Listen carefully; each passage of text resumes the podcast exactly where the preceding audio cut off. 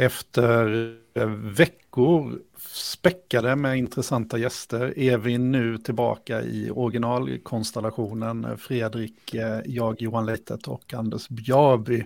Hur är det med er pojkar? Det är bra, det är bra. tycker jag. Ja, det händer mycket. Ja, ja den, det gamla, mycket. den gamla Den gamla vanliga, ja. Ja, ja nej, vi kan inte köra med den mer snart. Nej, nej så slutar nej. Ja. Ehm, men ehm, jag tänker så här, vi, vi, vi har jättemycket att gå igenom idag. Vi får se hur långt avsnitt det här blir, det ska bli jättespännande att se. Men eh, först av allt så har det faktiskt skett en liten förändring i, på Discord. Vi har ju en Discord-kanal eh, som jag hoppas att ni inte har missat att gå in på. Det finns ju fantastiskt mycket spännande diskussioner där. Men vi valde att göra om och bredda den kanalen lite. Eh, så att numera så är det väl en mer allmän kanal om AI i utbildning och skolväsende. Eh, mm. Och um, Teknik i Akademi finns kvar där som en underkanal med lite forum och sådär. Men, men det, det, är en bredare Discord nu så att um, ni, ni, kan vara med där även om ni inte lyssnar på oss. Fast det gör ni annars hade ni inte fått reda på det här. Nej, men det kan ju vara åt andra sidan. Vi, vi tänkte ju där att det är väl lika bra att bredda den här. Vi behöver inte ha en egen Discord-kanal bara för podden då, utan det, så vi har ju tagit ett steg tillbaka där vad det gäller Discord-kanalen och det är ju lite moderatorer nu som har, ja, eh, så mycket har väl inte hänt, men tanken är väl att det kan bli något sorts communitybyggande i alla fall där, som inte vi själva eh, står för då, utan att det kan få lite egna ben. Eh, och det är kul. Mm. Det, det är ju framförallt är det ju väldigt mycket roliga diskussioner nu. Jag vill bara säga så här att den är ju en, en rolig kanal att faktiskt bara vara med och följa i liksom. Ja. Så det, det är ett, ett, gäng individer där som driver det mesta, men jag, eh, jag gissar att det är många som sitter och tittar på de här diskussionerna. Mm. Mm. Det brukar alltid vara så, det är fler som läser än som faktiskt är med och skriver. Mm. Uh, nej, men, uh, och heja er som, som är aktiva, det är jättekul. Uh, och jag läser ju givetvis också precis allting, men det är inte alltid man hinner med. Jag försöker reagera när det är något som jag har, har, har bockat av eller så här. Liksom. Och det kommer ju galet mycket tips på allt från poddar till, till artiklar att läsa, till TED-talks, till ja, det mesta. Mm. Om man hade hunnit med. Ja. Vi har ju haft må många spännande gäster också eh, här som ni säkert ha, har hört i, um, i podden hittills. Det kommer ju också nu ett extra avsnitt på onsdag, tror jag, eh, är tanken. Eh, med Madde från Developer-podcasten också, så då pratar vi lite eh, alla möjliga grejer med henne. Så det är ett jättespännande avsnitt eh, också tror jag. Eh, men vi sa att vi ska försöka också hålla oss till oss tre i, i eh, i alla fall försöka någon gång i veckan så här, eftersom vi måste avhandla alla de här nyheterna som bara trillar in. Mm. Vi heter ju fortfarande Teknik i Akademi eh, och jag vet inte om vi fortfarande har en tanke om att gå igenom andra saker än AI. Jag, jag, eh, känslan som finner sig är väl att vi kommer nog att eh, på sikt kanske döpa om den här podden till någonting eh, mer passande och eh, fokusera helhjärtat på, på AI, för det händer ju så mycket där. Mm. Ja, det var väl mm. någon eh, som sa det till oss att, där, att eh, ni kunde ju valt något mer eh, spännande namn med en viss betoning på spännande. Vi, ja, vi och så... vi, det var väl ChatGPT 3.5 tror jag. Ja, precis. Men man ska ju ta ansvar i och för sig för vad man eh, genererar, så att jag, jag får väl ta på mig det ansvaret då. Ja. Eh, men vi, vi, vi, får se, vi kan väl ha, någon som har något spännande namn så tips, tipsa oss gärna, annars så misstänker jag att vi får ta en eh, sommardag här på semestern och sätta oss och, och, och, och spåna lite och se vad vi kan mm. komma fram till inför hösten. Vi har ju lite idéer där, vi ska inte spoila någonting i förväg, men vi har lite idéer för någonting kul som kan hända i sommar här nu, men vi, vi får se, det kan, kan nog bli något mm. roligt avsnitt i sommar. Mm. Mm. Eh, men det är kanske allt vi kan säga för den här stunden. Ja, men det är nog säkrast så tror jag. Mm. Lugnast. Um, Jaha, det har varit, vi ska, vi ska snart dyka ner på, på lite ämnen och så här, men eh, ni har varit aktiva, ja jag också till viss del, men på lite föreläsningssidan eh, och så där, varit ute och, och, och, föreläst och spridit ordet kring, kring de här bitarna. Det är ju fortfarande som så att det är många som inte har eller känner till de här verktygen som, som nu börjar bli vardagsmat för, för oss i alla fall. Ja, absolut. Det är onekligen så. Var, varje gång tycker jag det verkar som att det är några som inte har ens ett konto och testkört. Mm. Och nu är det lättare eh, än någonsin också med tanke på alla, alla, alla nya möjligheter som, som öppnar sig. Mm. Um, Ska vi dyka rakt ner i det? Eh, Fredrik, du tipsade om en eh, bra artikel från The Chronicle of Higher Education och artikeln har det lilla korta eh, rubriken då I'm a student, you have no idea how much we are using ChatGPT. Mm. Precis, eh, och det här var ju, vad ska man säga, jag tyckte det var en väldigt eh, trevlig artikel och det här är ju en eh, student då som har skrivit den här artikeln. Ehm, och eh, eh, den korta takeawayen här är väl egentligen lite att man kan, om man, jag kan väl rekommendera alla att läsa artikeln då, den är delad i vår Discord och vi lägger väl förstås ut en länk i, eh, i show notes också.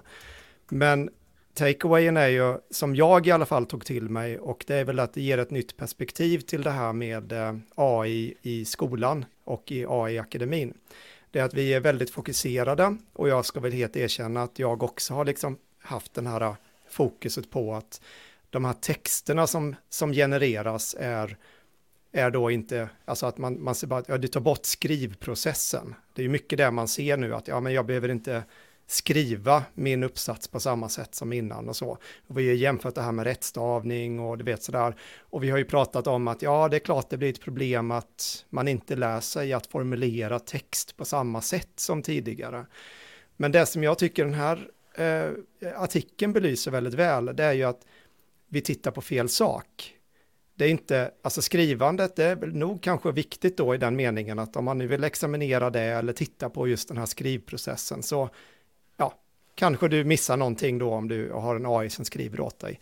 Men that's beside the point. För att vad det svåraste momenten, de får du gratis nu i din skrivprocess. Utan att det finns en endaste plagiatkontroll i världen som kommer kunna ta dig. Och om inte vi då är med och eh, är med studenterna, eleverna i den här processen, Alltså om inte vi är medvetna om det och arbetar med de här verktygen, då, då kanske vi eh, skapar, då, då har det blivit, då blir det inget bra. Och ett, ett exempel som tas upp då är ju till exempel att nu ska jag, nu ska jag skriva en, eh, en nu var det väl en, ett amerikanskt perspektiv här nu då, men det pratades om att nu ska man skriva en essä om någon, någon mytologi eller på något sätt. Och det, det första man börjar då är ju att, ja, måste ju börja hitta ett ämne. Måste, alltså så här, måste hitta en rolig vinkel. Alltså det är ju så här att någonting så. Och det, ju, det kräver ganska mycket tankeverksamhet att hitta den där vinkeln. Du måste först läsa massa text. Du måste fundera, du måste kanske sätta det här lite olika perspektiv och du ska hitta också din vinkel som du liksom, ja men här har vi någonting. Eh, den får du ju one prompt och mm. du är där ge mig tio vinklingar på det här och sen så kan du välja en av dem. Så att okej, okay, den, den kunde alltså utföra, som tidigare krävdes det mycket hjärnverksamhet, nu krävs det nästan ingenting. Och då är vi inte inne och genererar någon text, utan nu är vi inne i själva processen av, av liksom utformandet av en uppsats. Och sen nästa steg då, att ja, men du har ett ämne och du ska skriva om det här ämnet då. Eh, ja, var ska jag börja? så här. Ja, men kanske börja med en bakgrund, det är rätt bra så här och kan ju rätt bra skriva någon liksom liten röd tråd så det hänger med igenom och ja, så här. Då kan du ju be ChatGPT att hjälpa dig med den processen, själva skrivprocessen. Innan vi ens är inne i att du har satt ett ord på pappret mm. så har du gjort otroligt mycket med hjälp av en AI som har krävt tidigare då en väldigt, väldigt lång tankeverksamhet. För det är ju inte lätt. Om vi tittar på våra studenter som ska skriva sitt examensarbete första året, första gången, så är det ju, det är ju inte skrivprocessen egentligen som är det svåra. Steg ett är ju, okej, okay, jag ska hitta ett exjobb, jag ska hitta någonting att mm. skriva om. Den är ju en rätt stor huvudvärk för många studenter. Eh, en frågeställning som är relevant till det här och så vidare. Allt det där har ju nästan kommit nu for free och då, nu, nu är inte jag negativt inställd till detta på något sätt. Jag tänker att det här kan ju också vara ett sätt att öka kreativitet och så man använder det. Men om vi tror som lärare, som examinatorer, att det här är ett verktyg som hjälper studenterna att skriva och vi nog fokuserar på plagiatkontroll, då är vi, vi, då, vi tittar liksom på fel ställe. Mm. För att det skulle ju kunna göra så att du, du, om det nu är så att det kanske inte var skrivandet, skrivandet var bara 20 procent, det kanske var 80 procent tankeverksamhet för att mm. sätta ihop liksom en röd tråd och konstruera din essä och hela den här biten. Eh, ja, du kan ju mycket väl skriva det för hand. Utifrån ett manus, skrivmanus du har fått i ChatGPT. och det finns inte en plagiatkontroll i hela världen som överhuvudtaget kommer kunna ta det här. Oh, det, den, det kommer ju vara, det kommer ju vara din egna ord. Eh, och, och då är det så här att, ja, men är det överhuvudtaget då någon mening att prata om plagiatkontroll? Nu är vi tillbaka igen där. Men att, att och det, det är inte plagiatet i sig, det är inte, det är inte texten som kommer ut i AI som är, som är det centrala, utan det är den här stöttningen av ditt intellektuella tänkande som är det centrala. Mm. Och den kommer ju aldrig, jag kan säga, det kommer inte gå på något sätt, om inte vi sätter en hjärnskanner och en lögndetektor på studenterna, att kontrollera detta. Så den, här blir det, jag tycker så här, det var en väldigt, väldigt fräscht inslag och en ny mm. dimension, att liksom man vänder lite på problemet, att det spelar liksom ingen roll med plagiatkontroll, vi tittar på en liten del i processen. Det är som att vi tittar, har du använt en, en, en ordbehandlare eller inte? Har du använt ja, Word precis. eller har du liksom mm. så här, ja, kanske eller kanske inte, men det var inte, det var, that's beside the point lite grann då. Och här, det, det, var ju ett seminarium i fredags, eh, WASP-Ed Online Seminar on LLMs and Higher Educations, som jag tror att många som lyssnar på podden var, var säkert med eh, och anmälda och lyssnade på det här också. Då. Men då vill jag lyfta lite eh, Arnold Pierce som är professor eh, vid KTH. Eh, I hans föredrag så, så, så, så, hade han en slider och så sa han att eh, we can no longer hide behind our academic habit of assessing learning and professional process by examining and assessing characteristics of artifacts. Det vill säga vi kan alltså inte titta på slutprodukten för att bedöma processen. Vi måste titta på processen i så fall. Eh, och vi har väl ärligt talat varit lite lata eh, inom, inom akademin. Vi, vi, vi, vi har kun, hittat en genväg till att bedöma processen och den genvägen har helt enkelt varit att bara titta på slutprodukten. Mm. Eh, hur kommer det är ju, ja, ja och, och då är ju också frågan då om man nu tittar på det här eh, plagiatbiten då, så kan man ju, nu, nu tror jag att vi, vi driver kanske lite våran agenda här nu i podden, så att man får väl eh, ta det för vad det är då, för att det finns säkert de som har goda argument för att man ska ha någon typ av plagiatkontroll i motsvarande eh, form som vi har haft innan då för AI-genererat content. Fine, jag kan liksom, det, det, finns säkert sidor av det också som kan vara helt valid. Men det är ju, det, det, kommer vara svårt och det är lite det som jag tycker är alltså att, att ja, du kommer kanske kunna se om den texten är skriven av en AI eller inte. Vi låter oss säga att det, att det kan vara en, ett case där vi liksom lyckas med detta då. Men det hjälper inte grundfrågan. Att om det nu är något sorts eget tänkande hur man liksom konstruerar och gör uppgifter, det får du gratis då.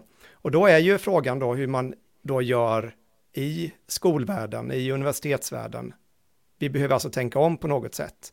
Vi kanske behöver ha fler seminarier där vi mm. sitter tillsammans med studenterna och diskuterar och pratar och liksom verkligen kämpar med de här tankarna i ett klassrum utan någon datorstöd hjälp överhuvudtaget, om det nu är det vi vill ha ut. Och det tror jag att vi vill ha.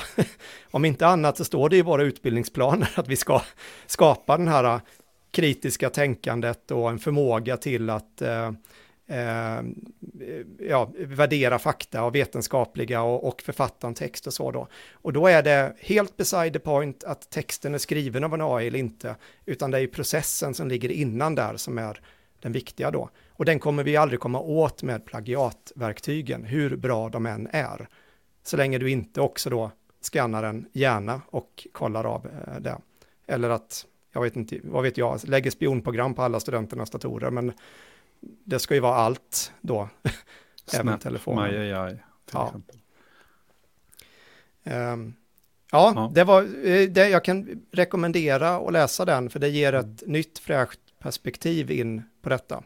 Mm. Och också att eh, som vi lärare, och då säger jag nu vi lärare, även inklusive dig och mig Johan, så är det att vi, vi har nog, jag kan ju tala för mig själv i alla fall då, vi, vi har tänkt att det här är ett verktyg som de använder för att skriva texter med. Och nej, det är nog inte så, utan det är ett verktyg som du använder för att hjälpa dig i din tankeprocess. Och den, mm. eh, och den är ju positiv, förstås. När man men... tänker efter så är det ganska självklart när man ser det så här lite ja. externt från oss. För det är ju så vi själva använder det. Ja. När vi resonerar och tar fram vad nu kan vara en upplägg till en föreläsning eller ett föredrag eller ett jobb. Så varför Precis. skulle inte de göra det? Ja. Jättekonstigt att man inte tänker på det. Men nu gör vi det. Ja, det är bra. Nej, alltså jag skulle säga att det är klart jag har tänkt tanken innan, men för mig blev det så, mm. det blev så tydligt, eh, tydligt nu då. Mm. mm. Och att jag tror att det, det, är ju en, en grej som jag tror är viktig i detta sammanhanget när vi ändå har, vi pratar i den här podden, är att mm, verkligen. fundera en vända till på detta, för att det är inte så enkelt att vi pratar plagiat. Plagiat har vi pratat om och det är det som är uppe på diskussionen, fusk och hela den här biten, men vi är liksom way borta från det. Och då är det inte den tekniska skälet att vi inte kan kolla om det är plagiat eller inte. För det, det vi kan släppa den diskussionen också. Även om vi kan det eller inte så kommer det ändå inte betyda att det är AI med i processen. Och det är det som är det viktiga. Mm.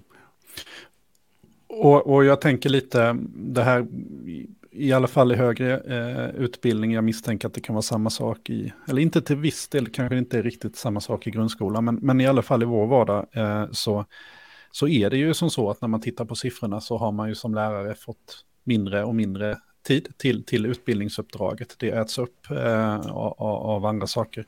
Eh, och, och genvägen är ju givetvis att just göra det här, titta på slutprodukten för att bedöma processen då. Att, att, eh, jag, jag, tror de flesta ändå har, har lite en lösning här Fredrik, precis som du är inne på, just det här att man skulle vilja vara med, vara mer delaktig i hela processen, det vill säga ha kanske dagliga möten med sina studenter eh, och, och, och, för, för att liksom sitta och ha de här diskussionerna och följa studenterna. Men, men sen har vi en verklighet också som gör att vi måste ta den här genvägen och genvägen blir ju att, att bedöma slutprodukten. Och eh, här, här, blir det spännande att titta på hur, hur, hur kan vi jag, jag, kan ju lätt dra kopplingen till hur man gör inom mjukvaruutveckling och Anders och Fredrik också. Eh, här, här som, men hur man gör där, eller hur vi gör där när vi bedömer, så tittar vi ju faktiskt också på processen. Och vi tittar på processen genom att vi kan se filhistoriken eh, när man har kodat, det vill säga det som, som kallas commit-historiken då eh, inom mjukvaruutvecklingen. att vi kan se hur, hur har den här mjukvaran växt fram över veckorna, när har man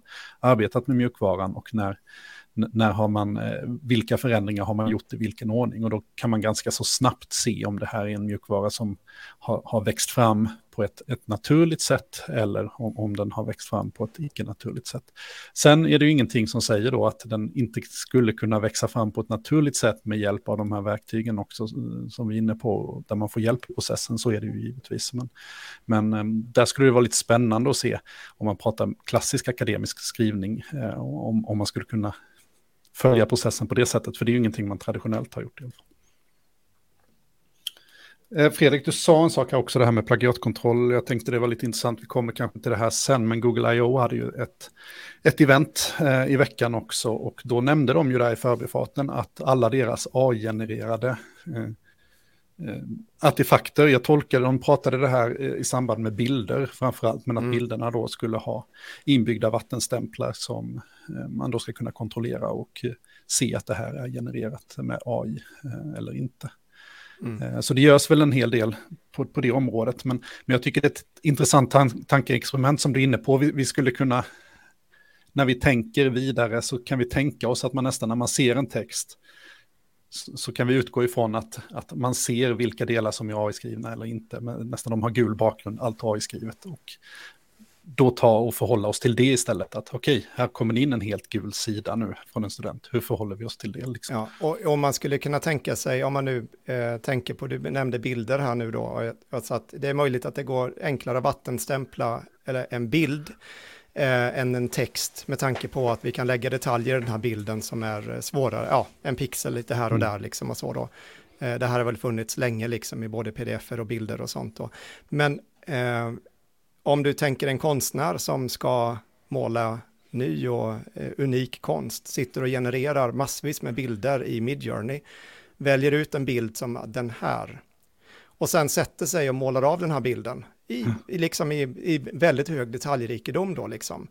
Eh, ja, är det liksom, ja, på något sätt så... Det är sam, yep. Ja, eh, kommer det, vem är det som har gjort, vem är det som upphovsman då? Eller liksom är det en AI-genererad bild då? Nej, det är klart, den är ju en målad bild. Du har ju ett konstnärligt måleri där eh, på det då, men... Mm. Mm. mm ja, det finns ju en annan aspekt på det, det är ju det här om vi vattenmärker AI-bilder, alltså vattenmärkningar finns det ju alltid sätt att plocka bort på något sätt. Det, hit, kom, alla kommer, mm. det kommer ju att hitta en lösning på, mm. så att man inte vet. Om man vänder på det och ser till exempel på pengar, som har också vattenstämplar för eh, som de här gula prickarna kanske var, som gör att man inte kan skanna och sådär. Eh, och de verifierar att pengen är äkta. Mm. Där är ju vattenstämpeln som säger att det är äkta. Så de vill ju inte ta bort. Medan här finns det ett mål att ta bort det så att du inte kan se skillnad. Så att det... Ja, just det. Ja, mm. Det går precis, att göra vänder, det vänder man, Precis, vänder man på det, det så vill man eh, inte ta bort det. Men det är smart. Nej, och, precis. Då kommer du kanske in på, på, på delar som, som jag tycker är spännande och jag tror ni, ni tycker det är spännande med. Vi har inte pratat blockkedja och sådär, men, men eh, mm. där kan man ju titta på den typen av tekniker då, att, att eh, mm. släppa, släppa olika äkta texter som, som NFT eller så att man kan ha ett mm. digitalt ägandeskap mm. och, och, och, även spårbarhet.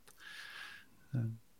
Men jag, jag, bara utgår ifrån att det görs rätt mycket på den fronten. Det, det borde ju vara så, det borde vara hyperaktuellt. Ja, kombinationen AI och blockkedja nu är ju en, alltså det har väl kommit ut en hel del nya kryptovalutor bara liksom med AI-temat här nu, om jag ja, har följt trenderna korrekt då. Så att det, ja. det, det lär nog dyka upp. Ja, du kan nog använda verktygen ganska väl också för, att ta fram nya. Eh, eh, alla möjliga tokens. Där. Jag ska säga det också, den här Wasped, eh, för er som inte tror, jag vet, jag för mig att den spelades in, så det är mycket möjligt att den kommer dyka upp någonstans. Eh, I så fall kan jag rekommendera också Peter Panes eh, och Johanna Björklund. Johanna Björklund föreläste lite om, om just hur tekniskt de här modellerna är uppbyggda. Det var väldigt spännande. Så att, kan rekommendera det där, om ni ja, jag utgår ifrån att någon postar det i Discorden när det väl dyker upp en inspelning av det. Um, vi tog ju tidigare upp, eh, vi har ju pratat om den här AI Dilemma när vi var nere i våra dystopiska eh, trakter där och eh, det var ju en liten liknelse där tror jag som fick lite fötter och det kom också en debattartikel i DN eh, för några veckor sedan här eh, kring det här flygplanet då att eh, vad var det, 50 procent av alla AI-forskare anser att det finns en 10% i risk att, att allt går åt skogen. Va? Det var när vi var mm, nere i de här dystopiska tankarna. Eh, det visade ju sig, och jag såg det först, det var Linda Manila som, som postade på Facebook, det var jag, jag såg det först, men jag sett det på andra håll också, också efteråt här. Eh, att, att den där undersökningen som det där baserade sig på var ju kanske inte eh, helt eh, statistiskt säkerhet, eh, säkerlagd, för det var rätt så få Eh, respondenter. Eh, Man gjorde väl ett urval i det stora av respondenterna också?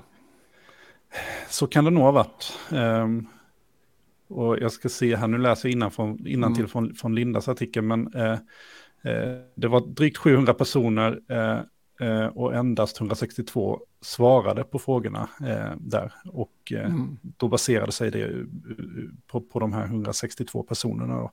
Och det var alltså 81 personer som var de här 50 procent av alla AI-forskare. Så att 81 personer är 50 procent av alla AI-forskare då enligt det här. Så man ska kanske mm. ta det med en liten nypa salt, den där undersökningen. Mm. Mm. Men vi, ja, eh, precis, eh, det, det, kan vara bra att känna till. Ha, eh, mer grejer då? Jo, open source har jag skrivit i show notes här. Eh, Jocke lyfte ju detta, eh, Jardenberg, när vi pratade Snap med honom. Och det hade också kommit en artikel eh, då från, från ett läckt dokument så gott man vet i alla fall, eller det är väl bekräftat att det är ett läckt dokument från någon anställd på Google som heter We have no moat and neither does OpenAI. Um, ehm, och uh, den här artikeln tar väl lite utgången i att uh, open source kommer att sopa banan menar man väl på med de här stora språkmodellerna helt enkelt för att man kommer att vara så mycket snabbare, mer, ja, kunna, utveckla de här modellerna i mycket högre hastighet än, än vad man kan göra på de här stora företagen. Um, och Fredrik, du hade ju en föreläsning i fredags där du väl berättade lite om just, du hade tagit några timmar och satt dig in lite i hur det ser ut på just det här mm. um, området. Ja, ja, precis. Och det är ju man kan det egentligen säga så att det är ganska svårt att sätta sig in i, eh, om man nu säger att nu ska vi prata open source och prata stora eh, språkmodeller, så är det, det blir ganska stort rätt snabbt. Eh, så man kan säga så här att det finns en jättebra sammanställning eh, och nu visar jag på skärmen här så kollar man detta på video också. kan man se att jag håller på att scrolla omkring här nu i en stor graf då. Eh, och det här är Stanford som har tagit fram en graf då av ekosystem av olika foundation models och inklusive också eh, alla tjänster som bygger på de här. Som vi nu tittar på Snapchat så kommer vi hitta Snapchat som liksom och en liten eh, koppling ner till eh, eh i detta fallet då OpenAI eh, och de har sina moderation APIs och så vidare och sånt då. Eh, så den här är rätt intressant om man ska få en liten översikt liksom av hur landskapet ser ut. Den här är nu tre dagar gammal, den här bilden, och jag gissar att den kanske har förändrat sig eh, sedan dess då. Eh, men det som jag tycker är intressant om man nu tittar på open source-biten här är ju att som Google eh, eh, själva då eh, skrev i sin sån We have no moat. Jag har faktiskt några bullet points på det också, för jag pratade om den. Eh, det är ju det här att vi, Google själva menar på att det, utvecklingen går så snabbt och det här, den, den här, the cat is out of the box lite grann då. Och det vi börjar se är att på väldigt, väldigt kort tid, och då pratar vi liksom, vi pratar liksom veckovis här nu, så kommer det en väldigt, väldigt snabb utveckling just inom open source-communityt. Där det till exempel har visat sig att ja, men det var helt möjligt att bygga den här Open Assistant. Det var ju ingen som hade börjat bygga den innan ChatGPT kom, utan det här är en utveckling som kommit efter. Och i och med då att Meta, som släppte sin Lama-modell, eh, de släppte ju den, nu var det väl möjligtvis två månader sedan eller någonting, en och en halv någonstans där. Det dröjde, det, vad dröjde det, en vecka? De släppte ju modellen, men de släppte inte vikterna till modellen. Alltså man kan mm. säga så, själva ja, modellen är inte, är, är, är eh, inte så eh, nyttig Tränad. om inte du har eh, vikterna till den då. Då, gör den, då, då, får du träna den själv då. Men det dröjde ju bara någon vecka som var den, låg den där på, ja, to, på någon torrent på, eller nej, det var förresten, det var väl någon som hade delat en på ett GitHub-repository tror jag, första. Ja, eller via Discord eller hur det var. Ja, ja, men den är ju ute. Så eh, den uh, kan, kan ju vara så att jag har, har den hemma också. På en, kanske, man vet aldrig. Nej, men, det, det, ja, men det är ändå så att det, den kom ut där och, och det går liksom inte att hålla och, och, och, då börjar ju massvis med eh, personer runt om hela världen bli helt galna och börjar bara utveckla, hitta på grejer, förbättrar. Eh, så det de menade på i den här We have no moat, det är ju just det här att vi, vi som stora foundation-modeller, vi sitter på massvis med datorkraft, vi sitter på alla resurser vi behöver. Vi kommer ändå inte ha någon chans i det långa loppet mot open source-communityt.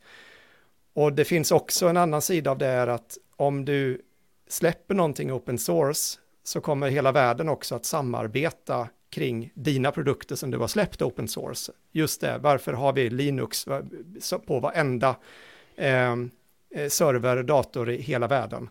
Eh, det kanske är för att det är ganska, en ganska bra modell då eh, för många. Och i och med att Meta nu har släppt sina modeller open source så har du också ett helt, en hel världs utvecklar-community som bygger på deras modeller som de ganska enkelt då kommer kunna fiska hem i inom sina ramar då för att bygga på sina produkter. Eh, så det pratades lite om, om de bitarna just eh, i den här We Have No Mote. Just den här bilden är jätteintressant. Jag tycker det är en snygg visualisering eh, av de här olika modellerna där man ser ett träd nu som växer upp. Och då är det inte många år på den här y-axeln utan den börjar på 2018. och man ser liksom att de sista åren här nu så blir det, det väldigt många grenar. Ja. Mm. Har du hunnit testa någon av de här alla modellerna på något sätt, eh, labbat med dem? Ja, Open Assistant har jag eh, testat lite grann. Nu så var det ju, eh, den går ju att komma åt om ni går in på Hugging Face så kan ni ju faktiskt, eh, eh den använder Open Assistant eh, som modell då. Och den är gratis, så där har ni ett, eh, ett gratis ChatGPT motsvarande då som bygger på Open Assistant. Och en av, en av de här grejerna som är intressant är att de här är ju de är mycket mindre än GPT-3 och GPT-4 i antal parametrar. Så den här Open Assistant den har då 30 billion parameters. Eh, då kan man lätt tycka då att då borde den ju förstås vara mycket sämre då. Men den är tränad med så mycket bättre data. Så att den här datan är mycket mer curated. Den är mycket, mycket, mycket högre kvalitet. Och genom detta då så kan du också få ner, alltså du kan bibehålla en väldigt god modell och fortfarande få en väldigt eh, eh, bra modell då. Så de här modellerna är ju inte, alltså GPT-4 är ju den bästa modellen i, idag. Det finns ju en del andra som ligger ganska nära, så Antropicas eh, Claude version 1.3 tror jag de är på nu. Den är väl ganska nära GPT-4 Eh, om man nu tittar på de här benchmarks och sånt som gör då. Eh, men open source-modellerna ligger ju, de är sämre. Det som är grejen med open source-modellerna är ju att de här kan du ju drifta själv. Du kan mm. ju lägga en sån här modell inom din egen infrastruktur. Och eh, ett exempel är ju till exempel den, det här är ett öppet eh, eh GitHub-projekt som heter GPT for all. Den har funnits ett litet tag. Och det är bara för att visa hur otroligt effektivt och billigt det är att träna de här när du har själva infrastrukturen och du har bättre data. De plockade ju hem, det är lite intressant ändå, de, de tog ju faktiskt och tränade den här GPT for all-modellen då på GPT 3.5 outputs. Så det de gjorde som en stor del av det datasättet som de använde för träningen, det var ju att ta data från en webbsajt som heter sharegpt.com, där folk har kunnat så här, ja kolla jag gör en prompt och sen så delar man sin prompt och sen kan man, ett enkelt sätt att dela liksom eh, sin konversationshistorik. Eh, och då har de ju också kunnat runda lite grann det här med upphovsrätt och så då, för de har ju inte använt, de har ju inte använt GPT 3.5 utan de har ju använt det som folk har delat. Och då kan man ju också tänka sig att man delar ganska bra exempel, alltså att man delar ju kanske inte när det blev alldeles fel, utan eh, det har de använt då. Och den här den går ju att köra på sin egen dator. Och det här är ju en, har man en, eh, ja, en laptop så räcker det gott för att köra den här modellen. Eh, och jag tror vi har pratat om den här innan, men här kan ni ju se i alla fall hur snabbt det går. Den här eh, är, är 4 gigabyte stor, den är bra mycket dummare än GPT-4 och den är dummare än GPT 3.5 också, eh, vill jag nu hävda. Den kan inte några andra språk än engelska till exempel. Men hade den här modellen kommit innan GPT 3.5 och du hade kunnat lägga in den på din dator, du kan lägga in den här på din iPhone, eh, då hade det varit helt sjukt. Alltså den skriver en dikt åt mig här nu och den, den går lokalt på datorn då. Det här tycker jag är skithäftigt. Är det här realtid Fredrik det här eller har du snabbat upp inspelningen? Nej, det är realtid. Så den här, då, så snabbt går den. Så den är ja, ju motsvarande vad eh, ChatGPT 3.5, ja, ja, precis. Eh, ja, nice. Ja. Och det här kommer vi väl att se mycket av, eh, får vi, får vi misstänka framöver. Och det är väl de här bitarna som du är inne på också med, med det här, just att du kan träna den på specifik data så kan den bli så mycket bättre. Vi behöver alltså inte ha de här stora modellerna när det kommer till att hantera dokumentationen på, på ja. vår sajt eller vad det kan tänkas vara. Och, och en annan grej också, det är också det här open source-spåret och sånt, och det är ju det att vi börjar ju direkt se att det som, om vi nu, Whisper som vi har pratat om flera gånger tidigare, och jag använder Whisper ganska mycket, det gör ju du också Johan, vi använder det är det här för att transkribera text eller, ja. eller, eller ja, eh, text to, eh, speech to text. Ja, och den kom, ju, den kom ju innan ChatGPT, så den här kom ju i höstas någon gång då, Whisper. Jättebra modell, det är också en, en motsvarande transformer-modell. jag, jag har lekt lite och försökt bygga någon sorts realtids eh, transkribering, men det, det, det, går inte så bra med den här Whisper, för den behöver ju skapa sig ett sammanhang. Så mm. den lyssnar inte på ord för ord, utan den lyssnar ju på en hel mening, eller gärna ännu längre klipp. Och sen efter det så, eh, den, den, hittar ju, kan man säga, lite ett sammanhang i texten. Så pratar du om, om någonting så förstår den lite grann vad du pratar om också. Någonting vi inte har lekt med än, Johan, som jag, vi ska göra, det är ju att du kan ju börja prompta Whisper. Mm. Så när du ska göra en transkribering så kan du också ge en prompt som input till vad du vill att transkriberingen ska vara. Alltså så du kan ytterligare ge instruktioner i textform till din transkribering. Eh, vilket är riktigt coolt. Ja, men jag uh, tänker jag, jag testar det på just det här avsnittet så att om ni går in på, på YouTube och tittar på, på det här avsnittet så den transkriberingen som vi ser här, då har jag promptat den. Eh, och, och, då får jag väl prompta den som att det här är en podcast på svenska som behandlar, jag ger den lite information kort och gott, jag ger den våra namn till exempel eh, mm. och lite sådär kanske. Mm. Och där, men det, det intressanta här är, mm. Whisper då eh, var ju ganska trögkört i början där. Eh, där man skulle gärna ha en GPU, en, en, en kraftfullt grafikkort för att det skulle gå någorlunda snabbt. Och jag körde ju det med, det, var ju en, det är ju en TensorFlow eh, applikation kan man säga då. Eh, och det krävde ganska mycket minne och sånt då. Sen kom det ganska snabbt. Eh, det var ju han, en, en, jag tror han är ryss, jag är lite osäker, Gerganov heter han i alla fall. Men enligt historien då, enligt hans egen historia då, så satt han och hackade ihop en C++-implementation över en helg. Um, så han är duktig på att koda gissar jag, eller så är han duktig på att berätta hur duktig han är, vad vet jag. Men det häftiga här är att han gjorde ju en väldigt, väldigt lätt variant av den här binärfilen. Eh, som då går att köra på en Raspberry Pi, det går att köra på en laptop och så vidare. Och den går fasansfullt mycket snabbare. Bara förra helgen så är samma kille gjort Lama C++, vilket gör att du kan ta den här stora, gigantiska, trögjobbade modellen då Eh, från, från Meta. Eh, men du kan köra den på mycket, mycket mindre och lättare hårdvara och mycket, mycket snabbare. Eh, och det här är lite häftigt. Det är sådana här grejer som, som händer då när det, när det liksom kommer ut på open source då. Så att eh, det, den, eh, det är häftigt är det. Eh, jag tänkte om man, ja, här, jag pratade lite AutoGPT också. Jag hoppar igenom lite här, så ni som tittar, jag tänkte bara hitta den här Google Moat-grejen eh, eh, här. Eh, så det här är väl den bullet pointsen som vi gick igenom där va? Är det inte så? Precis. Um, ja men det har vi nog tagit mm. det mesta där.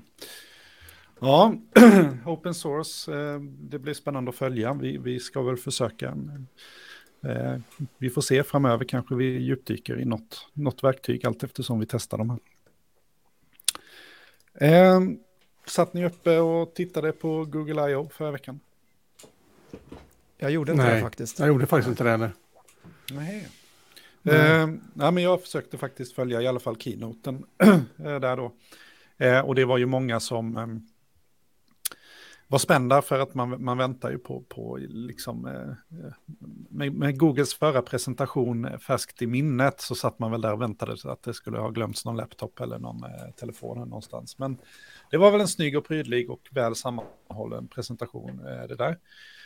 Och ehm, det var ju jättemycket säkert nyheter som dök upp. Bland annat så eh, pratades det mycket om Google Bard då, eh, som, som släppts i, i massvis med länder. Eh, förvisso endast på engelska tror jag hittills. Koreanska. Eh, in, och något mer. Koreanska också? Ja, ah, det, okay. var, det, var, det var några språk var det, som, förutom engelska. Men... Ja.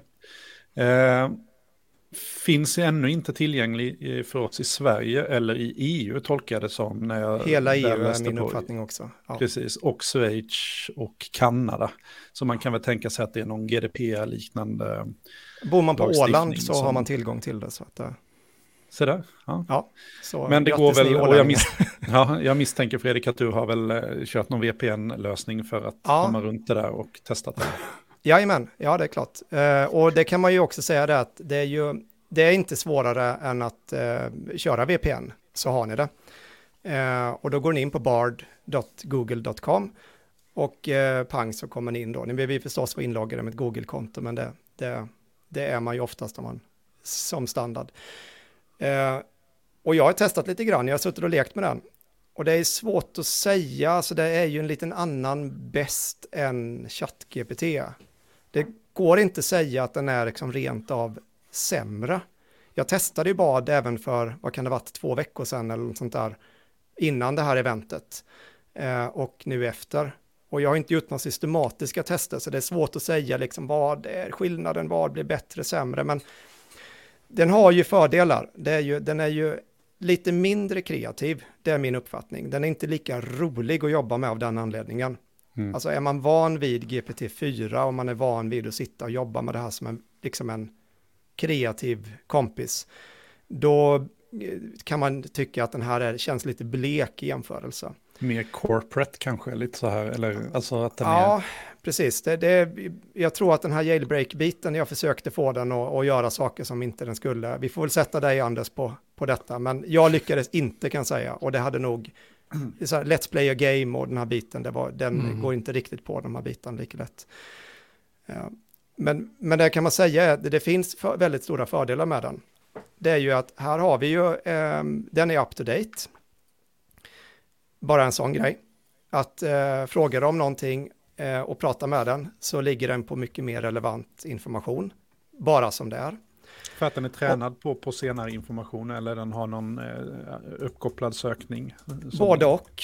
Eh, vad som händer bakom kulisserna där, det är svårt att se. Om du, nu har vi, vi har inte kommit och pratat om våra plugins än då, men vi, de flesta har ju fått plugins i sin ChatGPT nu. mm, och eh, det släppte de ju nu. Men om vi återkommer till plugins alldeles strax. Så om du till exempel använder Bard så kan du på ett väldigt enkelt sätt, och den här tycker jag är ganska bra, det är ju det att du kan ju bara klippa in en länk till en artikel och sen sammanfatta denna. Och den är blixtsnabb. Den pang och sen så sammanfattar den här artikeln. Nu gissar jag att Google, de cashar nu upp rätt mycket, så det är säkert inte ens så att de går ut och gör en request där. Jag, jag, Anders, du kanske kan... Kan mycket väl vara så, de har ju väldigt fräscha cacher på det mesta mm. för sina sökresultat. Men, men den är väldigt, den är väldigt, sma, den är väldigt bra på det. Och mm. om vi jämför samma operation i uh, ChatGPT med webbrowser-pluginet. Plågsamt. Då, då får du sitta där och sen, ja men ja, du hade hunnit gå in på den här hemsidan själv. Och läsa trycka kontroll, den. ja läsa igenom det. klippa tillbaka. Så att den, där är det så att ska man sitta och söka efter information, alltså så här, ja men jag ska sitta och göra lite research, jag vill liksom röra mig runt och jag vill ändå styra det mesta och jag vill, då är det faktiskt ett väldigt, väldigt bra verktyg. Och mm. mig veteligen så är det ingen sån här uh, prompt limit heller, och den är snabb också. Så jämför du med GPT-4 och Bard så går Bard betydligt snabbare.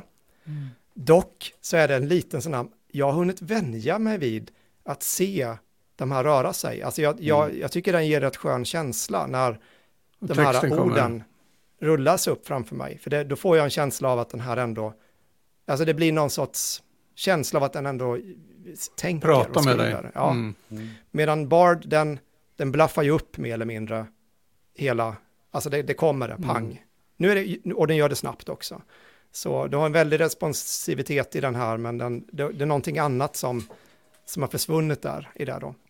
Sådär. Det är ju risken det där att det blir en sån wall of text när den kommer med hela svaret på en gång. Mm. Att det blir för mastigt istället för att man är lite mer lästempo. Mm.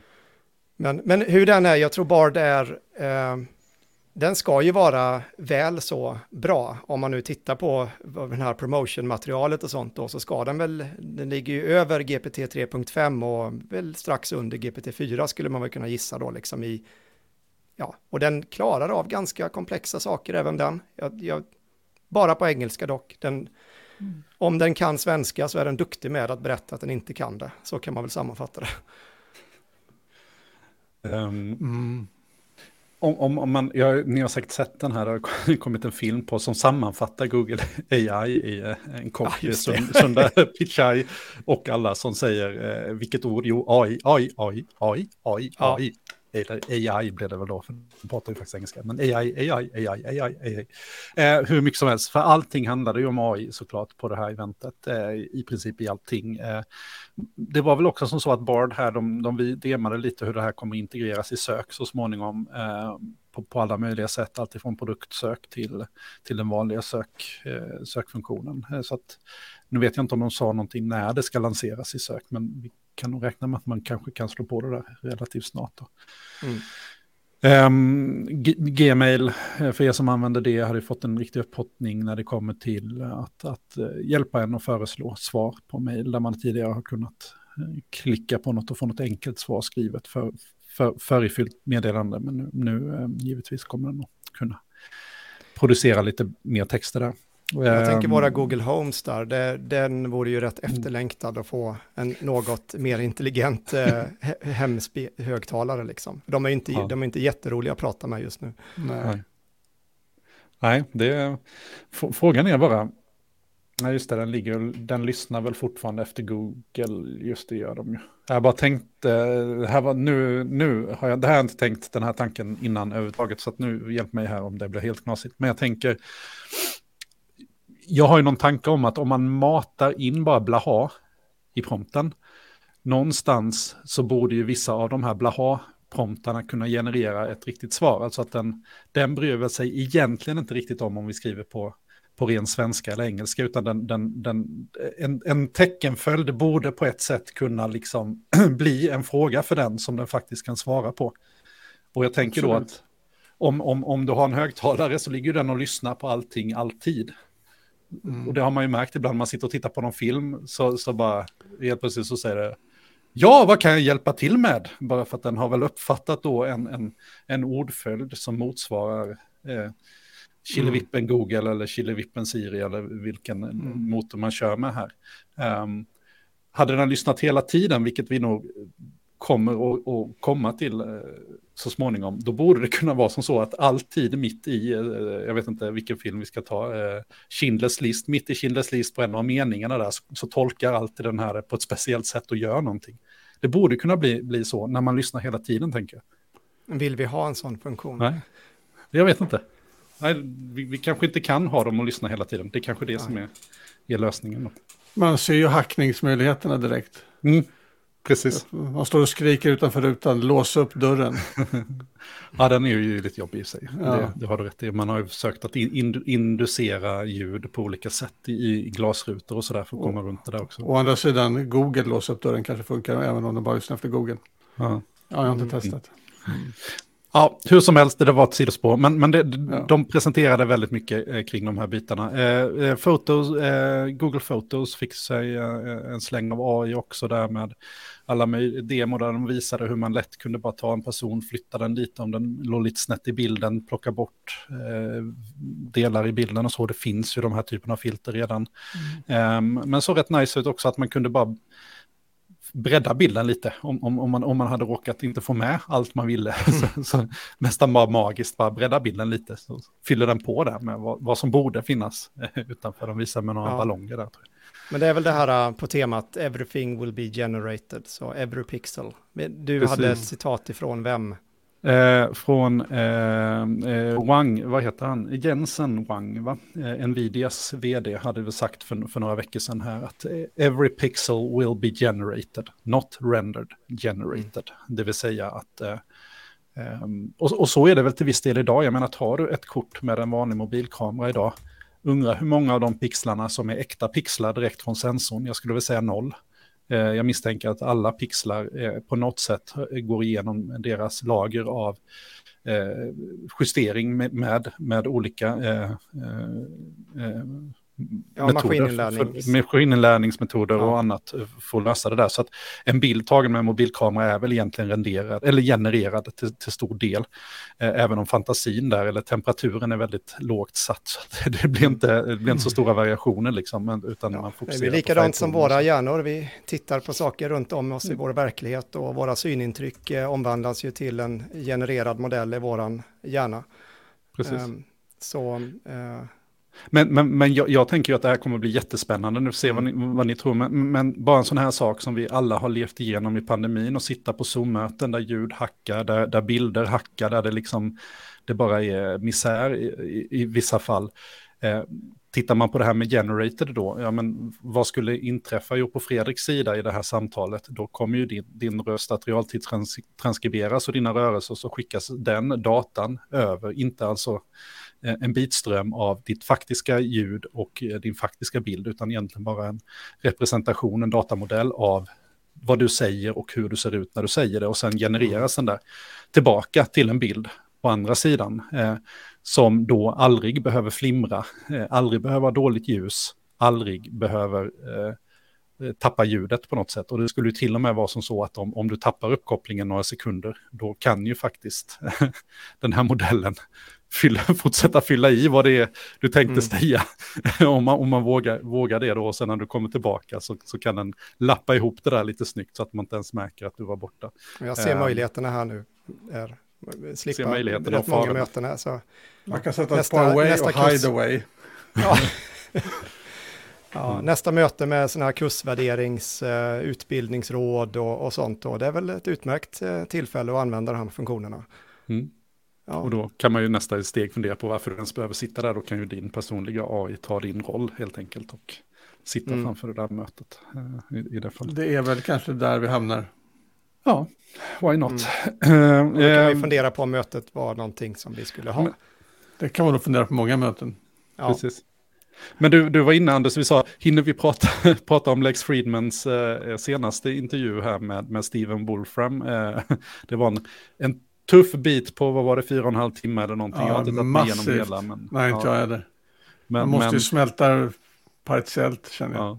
Mm. Och, och, Steven Wolfram, nu får ni hjälpa mig här, men, men han ligger väl bakom Wolfram Alpha, eh, här, ja, som handlar mycket om formella språk och eh, att, att, eh, med matematik kunna beskriva verkligheter och sådär. Så det, det, det handlade väldigt mycket om, om språklig koppling. Och det bara slog mig att där jag är just nu då, så, så precis så pratade han om eh, det här med att ett språket kanske bara blir ett protokoll här mellan olika, vi har ju varit inne på det här, att, att det, kommer, det kan ju mycket väl bli så, så att jag sitter och skriver och författar ett, ett mejl på min sida med hjälp av en AI som egentligen fyller på det mesta. Sen så, så skickas det här i form av, av ett dokument, textdokument. Det, egentligen aldrig någon människa som kommer att se det där, för på andra sidan så kommer det där dokumentet att tolkas om och formas om på ett sätt så som Fredrik eller du Anders vill läsa det där då. Mm. Eh, så att eh, de här dokumenten vi skickar, det blir bara liksom eh, en beskrivning, ett sätt att kommunicera för att vi är så vana vid att kommunicera på det sättet. Ja. Har, har vi något mer att säga om, om Wolfram-intervjun förresten? Jag, jag, jag, tycker den är jättespännande eh, jag, och tung, men, men jätteintressant. Den är så massiv så frågan är inte du ska ta den i ett eget avsnitt egentligen. Ja, kan, men om man ska säga någonting där som jag, jag har inte lyssnat på hela. Så att eh, då blir det ju att jag eh, kanske hade lättare att smälta den, den första en och en halv timmen jag lyssnade på. Något sånt där. Mm. Men någonting jag tycker är intressant är ju att han, pratar om att vi, pratar, vi, vi, vi skapar komplexitet ur väldigt enkla modeller. Och någonting mm. som Wolfram har jobbat med väldigt länge, alltså jag har ändå, alltså sen tidigare följt honom lite grann, jag har faktiskt använt Wolfram, eh, det här matematikprogrammet en del när jag, alltså som mattehjälp liksom och sånt då, när man skulle förenkla stora långa ekvationer och, och, och så vidare mm. då. Men det, det som jag tycker är häftigt är då att om det, visst finns det här uh, The Game of Life, det är väl en sån här uh, väldigt mm. enkelt spel mm. då, som kan mm. bli väldigt komplext, som bygger på väldigt, väldigt enkla regler. Och jag tror det här är någonting som Wolfram Alf, eller nu säger jag Wolfram, Stephen Wolfram, han har alltid varit väldigt fascinerad enligt min uppfattning av enkla algoritmer som i sin tur då kan beskriva stora komplexa skeenden. Så att det här att han pratar ju till exempel om den här snöflingan Att mm. de är unika, varenda liten snöflinga är unik då, det har man fått höra. Kanske de inte är, hur ska vi veta det förresten? Eh, men, eh, men att själva modellen för att skapa den här, det är bara en hexagon som, eh, du hittade till och med Game of Life där. Ja, det finns massvis, men det är ett klassiskt problem för programmerare att börja med. Mm. Um, ja. Alla har byggt ett. Man, precis, man kan titta på ja. det här medan, medan du pratar Fredrik. Men det finns ett Just antal det. små, små regler här hur, hur det här samhället nu, det, det är ingen, det, det, är ett samhälle som ska växa fram här. Kanske ja. lite temperaturer bara. Precis, men det är det ändå, det här är som jag tycker är intressant då, det är ju att de här enkla beståndsdelarna skapar en väldigt komplex eh, sak som vi sen kanske har svårt att beskriva. Nu pratar han om mycket med fysikalisk modellering och de här bitarna utan att gräva in i sig det. Så där, om vi nu tittar på AI, det är väl en av de här grejerna att jo, men ett neuralt nätverk, alltså det går in en signal och det firas upp en neuron där och så vidare. Så här, ja, men det är ju så här, det är rätt enkelt. Alltså det är så, det, hur, ska den här, hur, hur kan den här enkla modellen skapa intelligens? Ja, våra grundläggande fysikaliska modeller, de kan i sig vara ganska komplexa, men det är ändå så att byggstenarna är ofta väldigt enkla. Om vi tar Game of Life då, som kanske är ett väldigt enkelt exempel, men med enkla algoritmer som, så kan vi skapa väldigt, väldigt komplexa system. Och när de här systemen blir tillräckligt komplexa så kan den här enkla modellen, den kan fortfarande vara enkel men du har ett komplext system. Och det var kring den här tanken som jag tror, jag tyckte det var väldigt intressant att lyssna på, är att vi förstår inte, bara genom att titta på den här enkla modellen, så har vi ändå, alltså hur kan modellen vara intelligent? Mm. Så här, hur kan du den här enkla saken skapa intelligens? Och den, den, det för mig är väldigt fascinerande att, att tänka kring de banorna där. Och det var det som de åtminstone första en och en halv timmen pratade ja. en del om där. Så att, eh. för det är ju ändå någonting man, man, jag tycker man hör. Det är många som förkastar de här modellerna på grund av dess enkelhet. Jaha, ja, ja, ja. Men det där kan aldrig bli riktig intelligens. För det, det, det, det, är bara det bygger bara på statistik, ord som kommer mm. efter varandra. Det där kommer aldrig att, kunna. Och, och, det är ju fantastiskt att, tänk, att tänka på de här bitarna. Och jag menar, programmering som vi alla håller på med. Jag har en kollega som har, har ett uttryck när någon frågar, går det att göra det här? Ja, ja, det är bara ettor och nollor, sätter dem i rätt ordning så går det alltid att göra. Och det, det, det är ju lite så, alltså, eh, det är ettor och det är nollor och sen beror allting bara på ordningen. Det är ju en väldigt, väldigt enkel mekanism egentligen som, som, som, som, som ändå kan bygga de här helt fantastiska eh, programmen som vi, vi alla använder dagligen. Mm. Um, yes.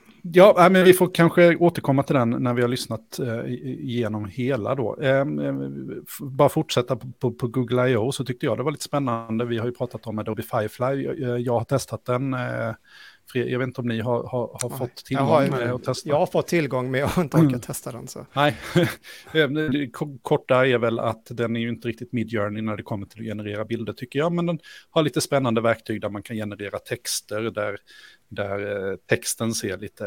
Eh, ja, man kan generera en text som man vill ha en rubrik, sen kan den vara förifylld med, med vad man vill att den här texten ska vara fylld med då, så det kan bli ganska effektfulla liksom, rubriker. Kommer tillbaka lite till ni som var med på 90-talet med Coral Draw och så här när allt mm. skulle vara 3D, eh, så här, för att man kunde göra. Vi kanske kommer att se en sån här, från att allting har varit väldigt tunt, stilistiskt och enkelt nu under ganska många år i, i design så kanske vi kommer återuppliva det här då med, med 3D och eh, eh, väldigt komplicerade mönster i texterna. Vi får se. Men eh, eh, Google går i alla fall eh, i, i, partnerskap med, med, Adobe här och eh, jag tolkar det väl lite som att Adobe Firefly kommer att vara eh, Googles bildgenereringstjänst så att de integrerar den i de här verktygen på samma sätt som OpenAI har sin DALI då. Mm.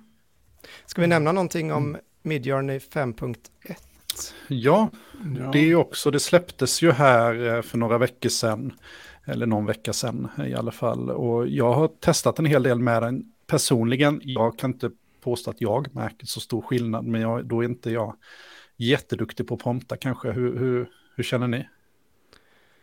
Ja, jag, jag vet inte, nej. jag tyckte fem, jag, jag, kan inte säga att det är någon sk skillnad stor skillnad. Sätt, nej. nej. Men den inte är väl bättre, jag, på någonting antagligen. Jag tror ansikten tyckte någon sa att de skulle vara bättre på, men jag kan inte svara på det. Ja, men det, det, jag har sett när jag tittat på de som är duktiga på det, så, så just så här motljus eh, och, mm. och ansikten och sol mm. och detaljer i ansikten och, och, att den out of the box blir, blir mycket bättre på att ge en... Händer är den fortfarande bedrövlig på. Ja, bättre med femman än fyran, men ja, den, den ja. bättre betyder inte bra kanske. Fortfarande aliens. Ja, lite så. Men det här med modellerna då, det kan man ju säga att om man använder Midjourney så kan man alltså ställa in vilken modell man vill använda, om man bara slash settings eller något sånt mm. där. Eh, det går säkert att lägga som en parameter också när man, när man gör den här. Jag vet att vi fick någon fråga på det, Anders, där, och det, de här bilderna som vi ser bakom dig till exempel nu, mm. de gör du med fyran, va? Är det inte så? Fyran gör jag dem med. Ja. Robotarna blir lite tråkigare i eh, femman har jag märkt.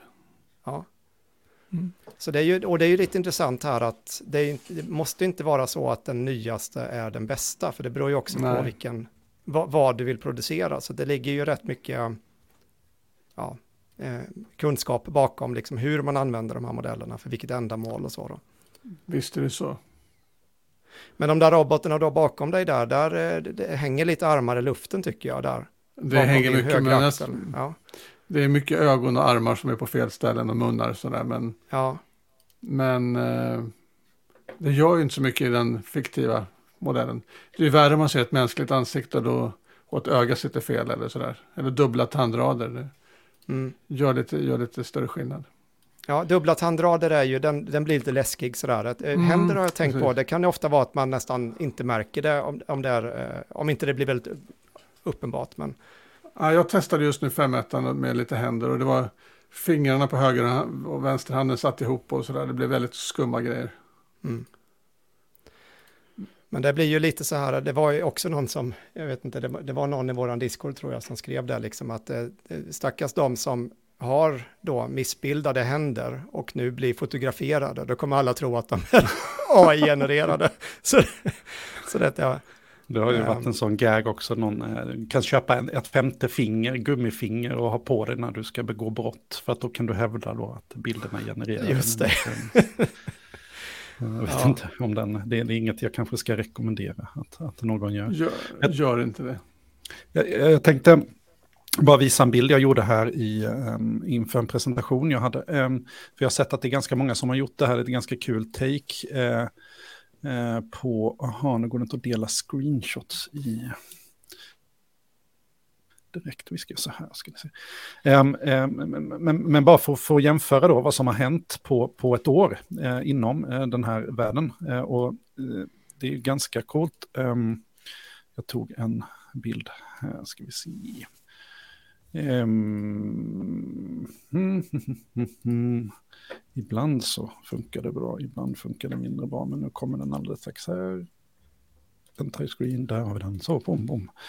Eh, och då, då, vad vi ser framför oss här eh, är en, eh, en kvinnlig eh, astronaut med full hjälm och allting. Och den här prompten börjar med oh, Woman in a spacesuit with glowing nebula piercing the space-time Continuum reflected in the helmet och så är det lite mer promptning här också sen då. Men, så jämförde, körde den här i version 1 av Midjourney som kom för ett drygt, drygt år sedan och eh, jämförde den med dagens version och då, då, kan vi ju se att den här första versionen skulle väl eventuellt kunna, man, skulle, man, man kan se att det är en kvinna, man kan se att det är något mm. futuristiskt men det är ungefär det, det ser rätt kladdigt ut eh, mm. rent allmänt. Medan, medan den bilden som då genererad 2023 är ju ja, skulle ju kunna vara ett screenshot från en film egentligen eller eh, något sånt där. Ja. ja, det har onekligen gått framåt, det får man ju säga. Ja. Och det visar ju om inte annat i, på hastigheten.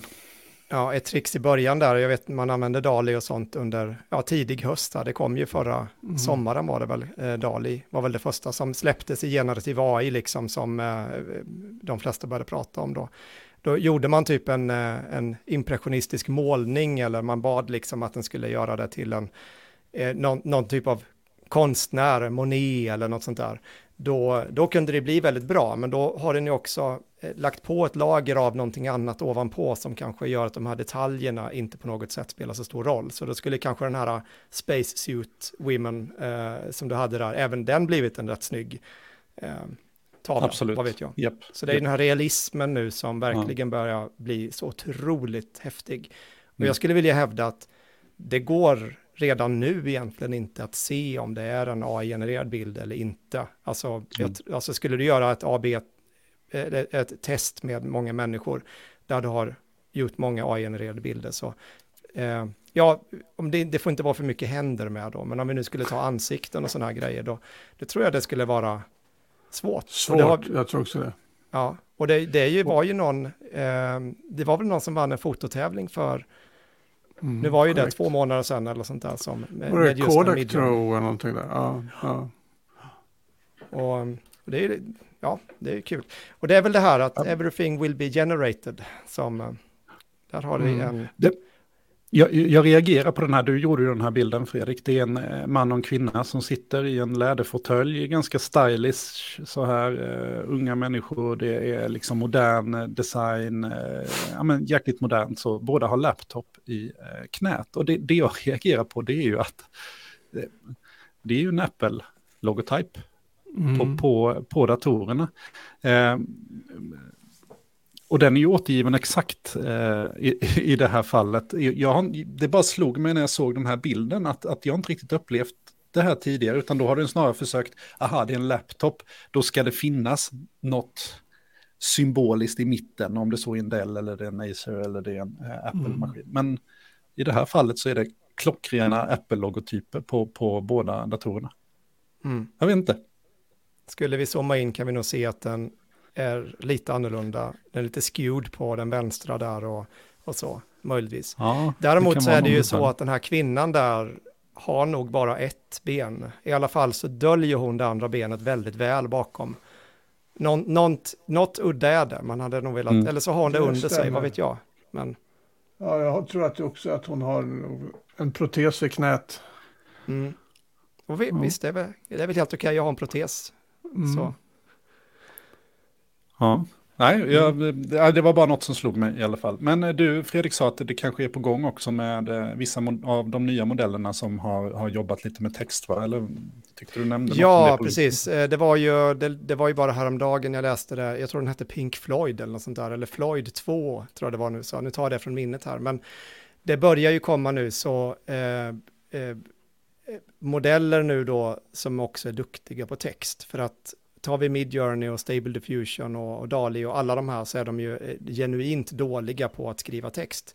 Vilket jag kan tycka på sätt och vis är lite ironiskt att det borde egentligen vara en av dem det borde vara mycket enklare så här att skriva en text på någonting som, än att göra ett ansikte som är realistiskt då. Men det har väl att Mm. göra med att de helt enkelt inte tränade på det, så att det är antagligen inte konstigare än så. Men nu kommer det, de bli förstås mycket bättre på det, så det kommer nog gå i rasande snabbt. Och då Mm.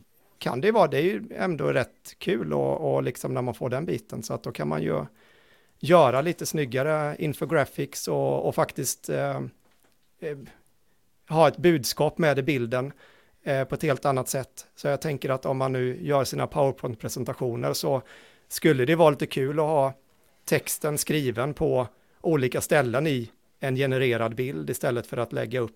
Ja, jag bara, jag tänker att Mm. det, det finns så här äh, ytterligare en nivå av, av kreativitet då. För Dessutom då när du kan generera den här bilden så skulle du ju bara kunna snabbt kanske ändra texten också och en bilden genereras om med det här innehållet Mm. du vill ha då. Eh, på ett helt annat sätt. Så att eh, de här statiska PowerPoint-presentationerna med olika fonter och sånt som du lägger ovanpå, det, det kanske blir en helt annan nivå på detta sen. Det vore Det spännande. har varit, varit ett ganska trevligt, det finns säkert med ett trevligt presentationsverktyg där du har en prompt egentligen. Eh, Du, skri, du, du ändrar aldrig, du lägger aldrig på någonting på själva ytan utan du bara promptar dig fram till vad du vill ha eh, på Ja. varje slide. Det kommer väl i powerpointen såklart, men, men ja. Eh, Och som genererar bilder lika bra som Midjourney. För att det är ju det där, när man testar andra verktyg så blir man lite besviken för Midjourney Mm. är ändå jäklar i mig lite bättre tycker jag. Det- Ja. Mm. Ja, nej men den är värd och, och det, kan vi, det kan väl vara bra att tipsa alla som lyssnar på podden här nu att om ni ska testa några verktyg så testa Midjourney. Mig veterligen är det det bästa just nu. Mm. Mm. Om man är så här, vad är top of the line just nu? Ja, det är GPT-4 och Midjourney. Om man nu Det vill, blir lite roligare. Ja. Men i, i Bings eh, har man väl, vad är det, 25 bilder eller någonting kan man generera gratis där. Så har man inte testat så tror jag man kan köra, eh, köra på den. Eh, mm. Men den är inte ja. riktigt lika bra. Det är den inte. Och då är det risk att man blir besviken och sen så... Alltså, sen är det ju det här, hade vi, hade vi testat Bing i julas så hade vi varit helt fascinerade över hur fantastiskt det var. Mm. Ja. För då jämförde vi med Dali som var det hetaste då. Det var ju ganska trist egentligen. Även om det var superhett då. Så det är ju inte dåligt fortfarande om det är en första grej du ska testa. Så visst, testa Bing, det blir jättebra. Ni kommer bli jätteglad. Men du vill ha det roligaste så är det Mid Journey.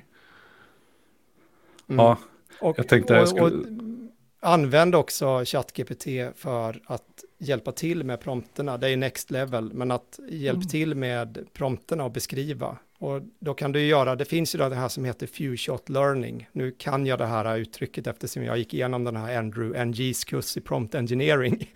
Men just det här att ett väldigt effektivt sätt att få eh, ChatGPT att göra det du vill, det är ju också att ge den lite läroexempel. Så att i din prompt så berättar du lite grann om eh, eh, hur du vill att det ska vara. Och då kan man då lägga in, det finns massvis med stora repositories där du, folk delar sina midjourney-bilder. Och då kan man ta lite av de här prompterna på sådana bilder som man, ja men det här var snyggt liksom. Som använder lite av de här orden som triggar liksom en bra bild då, att det är taget med en viss kamera och ett visst och så vidare. Så då. Eh, skickar man in det med, med prompten och sen så beskriver man att jag vill nu att du tar fram ett gäng prompter, du kan ta fram några stycken, eh, som beskriver, och då kan du med, det fördelen med att jobba på det här sättet är att då kan du beskriva väldigt så här eh, målande, beskriv målande en bild av en, ma en man som sitter på en parkbänk och jag, han ska vara dyster och du vet, eller vad det nu är, du kan beskriva det med dina ord. Och du kan beskriva det på svenska dessutom. Ja, och då sen skriver du att du vill, jag vill ha det på engelska, för Midjourney tar på engelska. Mm, mm. Och då kommer den ge en, en mycket mer målande, för den målar ut det här mycket mer än vad du själv kanske kan då.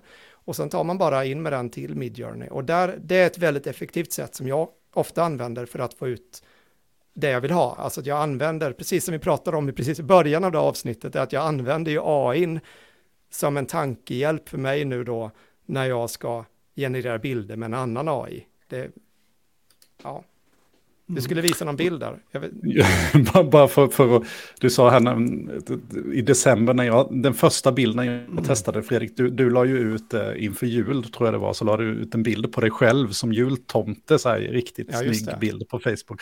Så då tänkte jag, nu ska jag ge mig in i det här. Det var innan jag hade, jag hade inte testat Midjourney alls, utan jag, jag, jag tänkte jag skulle använda Stable Diffusion, så jag använde Diffusion B då på, på macken och generera.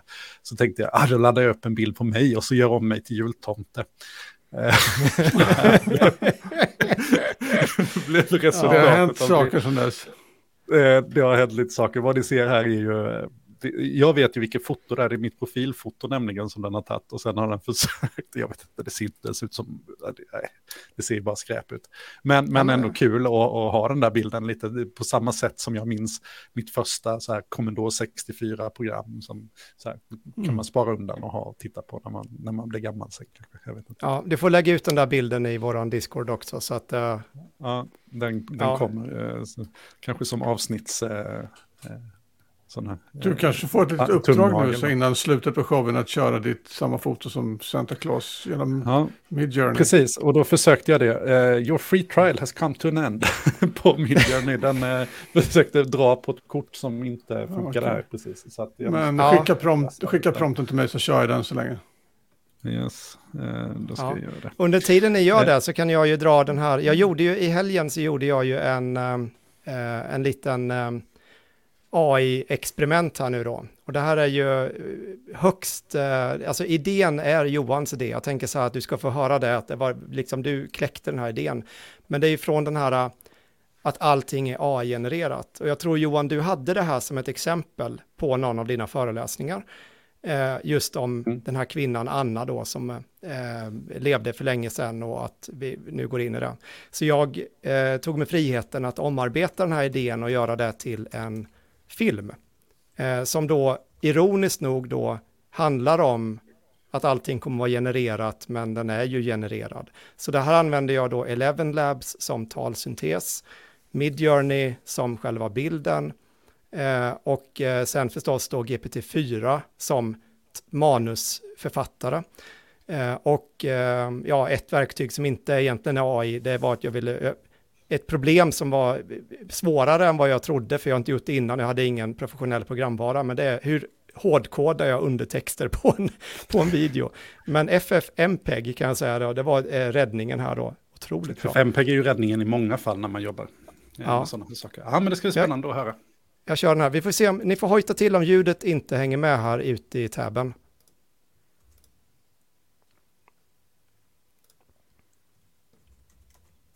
In this tranquil vista of the 19th century, our eyes are drawn to a woman posed before an idyllic Swedish cottage, its quaint charm radiating a sense of warmth and simplicity. This woman is Anna, a figure from over a century ago whose existence was remarkably distinct from our contemporary lives. Her clothing, the meals she prepared, the tools she employed, all were the fruits of her own hands or those of individuals within her immediate community. Her resources were harvested from the very land she trod upon daily, her skills a legacy inherited from generations past. In Anna's world, the local and the tangible reigned supreme. Her homely cottage was not a prefabricated product of some distant factory, but a labor of love, pieced together from timber hewn from the neighboring woodland by skilled local craftsmen.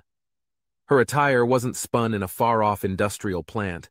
Rather, it was a tapestry of sheep wool collected from her own flock, dyed using botanicals from her own garden, and crafted into garments during the quiet solitude of winter evenings. Every item in Anna's sphere of existence bore the unique fingerprint of its creator, a testament to the individual effort invested in its creation. They were all threads in a rich tapestry of relationships and stories, connecting her to her community and the nature that surrounded her. The tranquil meadow in which Anna stood was one day visited by a peculiar stranger, a traveling salesman peddling a variety of goods. Among his wares was a selection of factory-made fabric, a stark contrast to the homespun textiles Anna was accustomed to. This was her first encounter with mass-produced materials, a harbinger of the profound transformations to come. As we journey from Anna's time to the present day, the scenery shifts dramatically. The objects that populate our world today are largely indistinguishable, forged in factories situated continents away. Individuality and narrative have been supplanted by uniformity. We have swapped the singular for the standardized, the artisanal for the automated, the local for the global. Today, we stand at the brink of an even more profound metamorphosis. We are entering an epoch where not just tangible objects, but intelligence itself can be factory produced and disseminated on a global scale. Pioneering artificial intelligence technologies like AutoGPT are reshaping our world, enabling the generation and mass production of intelligence on an unprecedented level. Just as the Industrial Revolution phased out artisanal goods in favor of mass-produced products, this AI revolution threatens to supplant many human cognitive tasks with machine-generated intelligence. Much like our adaptation to a world brimming with mass-produced objects, we may soon find ourselves navigating a world saturated with mass-produced intelligence. As we teeter on this precipice, we should take a moment to remember Anna. We should remember the merit of the unique, the artisanal, the local. As we hurtle towards a future characterized by mass-produced intelligence, let's endeavor to preserve the human touch, the individuality, the narratives that bind us together. Because while mass production has brought us an abundance of conveniences, it has also chipped away at elements intrinsic to our humanity. As we stride into the future, let's aspire to a world where AI and humans collaborate, capitalizing on the strengths of both to craft a world that is not just efficient and productive, but also deeply human and interconnected. The tale of Anna can spark thoughtful discussions about the ethical implications and potential impacts of artificial intelligence, the importance of retaining human elements in our increasingly automated society, and the potential challenges and opportunities we face as we continue to incorporate AI into our daily lives.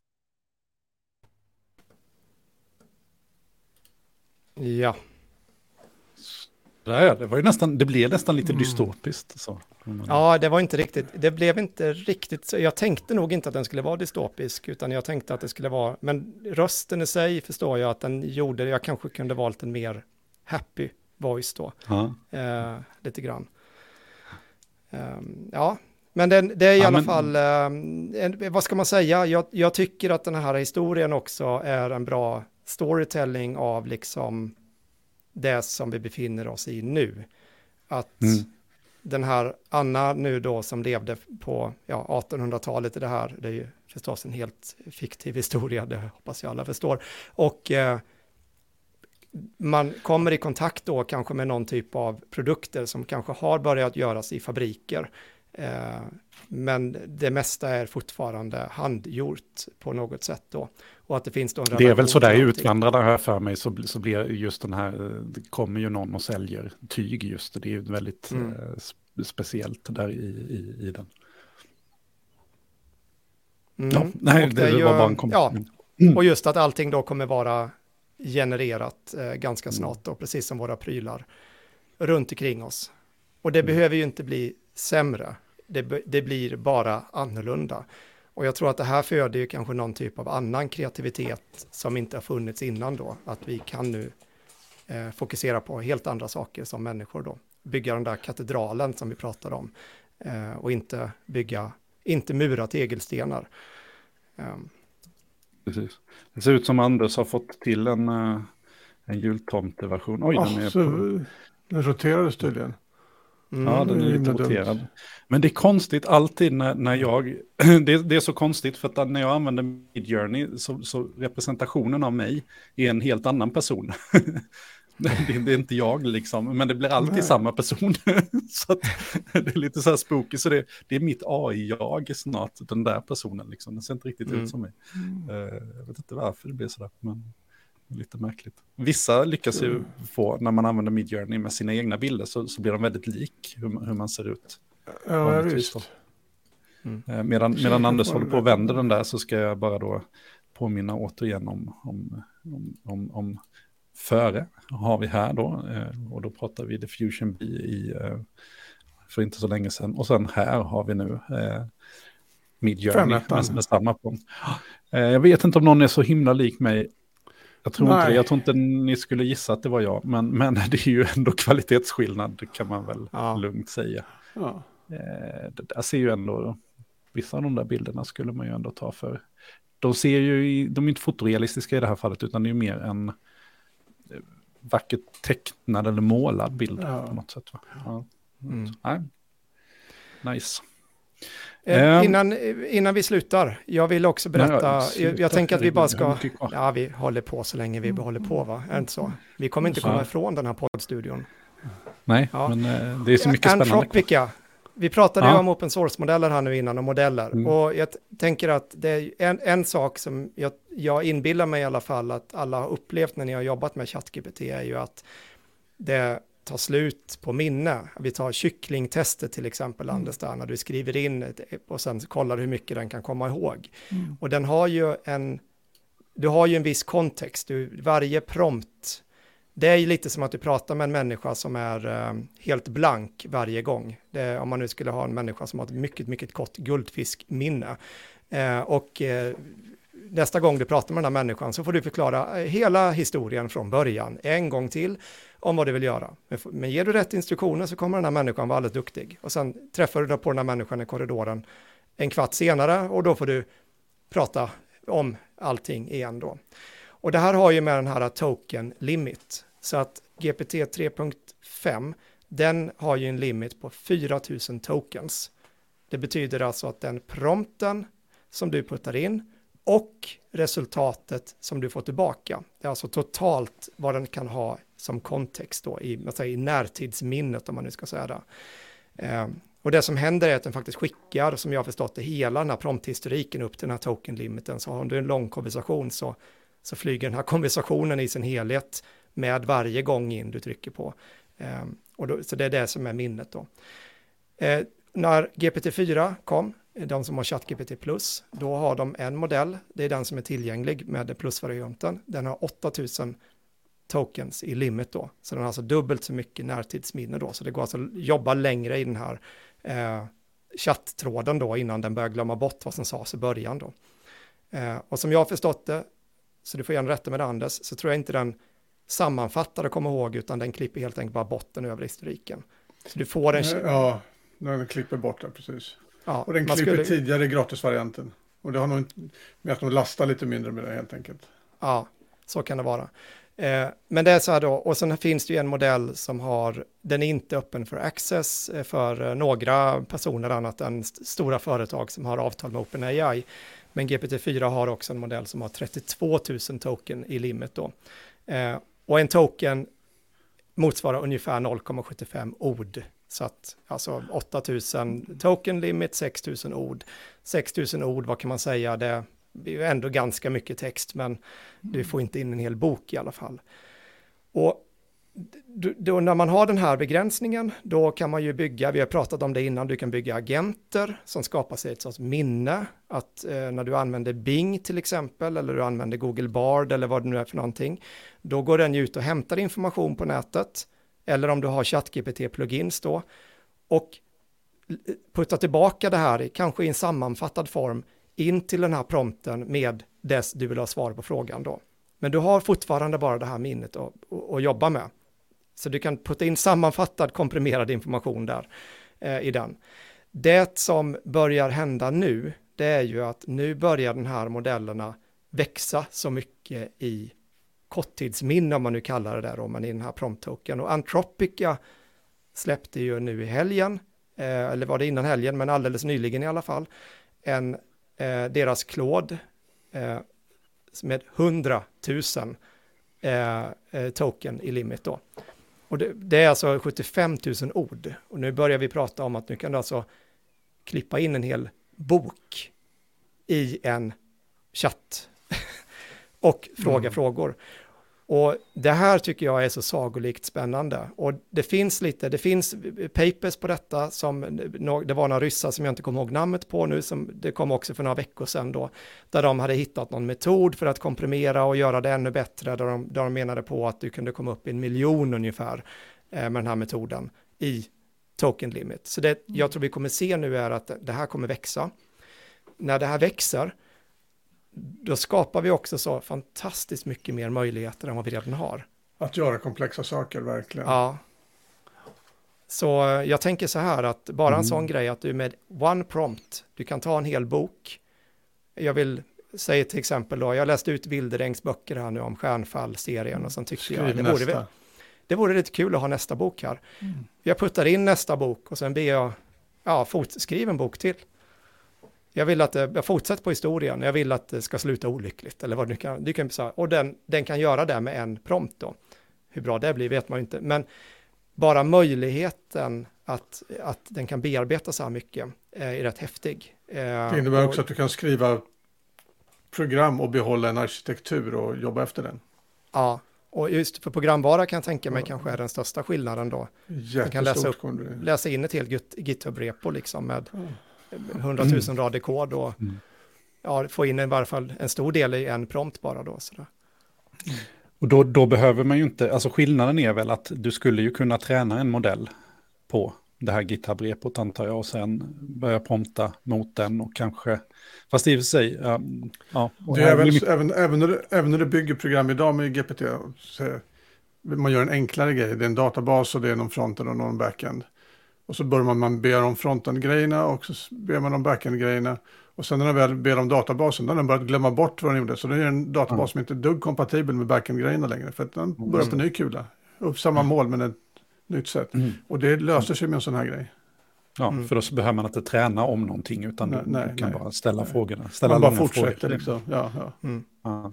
Ja, men det är ju trevligt. Och jag menar, då är det här problemet löst och då kanske vi inte kommer att behöva träna, prata om att vi behöver ha specialtränade modeller, utan vi kan ha språkmodeller som är fantastiskt duktiga på språk och sen så kan vi mm. använda. Liksom. Ja, kul. Eh, det har ju hänt, det, eh, det där...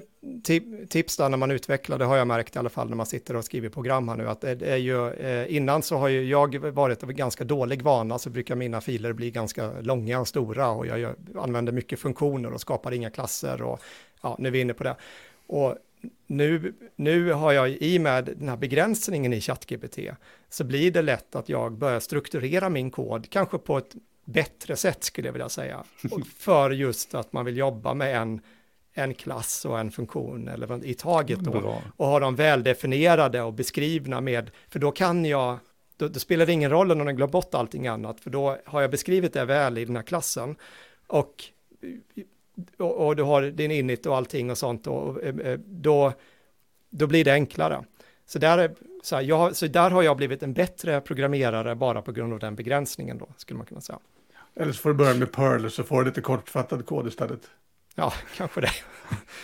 lyssna, kanske lyssna på Developers-podcasten då med Madde som, som vi har som gäst här eh, senare i veckan och deras clean code-avsnitt skulle kunna passa in i, i, mm. i den diskussionen kanske. Ja, det har hänt mycket, mycket mer. Jag tänkte vi bara ha lite korta nyheter kvar. Jag, jag tror vi hinner med dem även om, om timmen är sen här. Men, men eh, Berkshire Hathaway hade ju sin årliga eh, företagsfrågestund eh, med, med eh, Warren Buffett och Charlie Munger eh, i Omaha, USA. Eh, och eh, där kom det mycket artiklar då ur en fråga som ställdes hur de ser på AI. Då.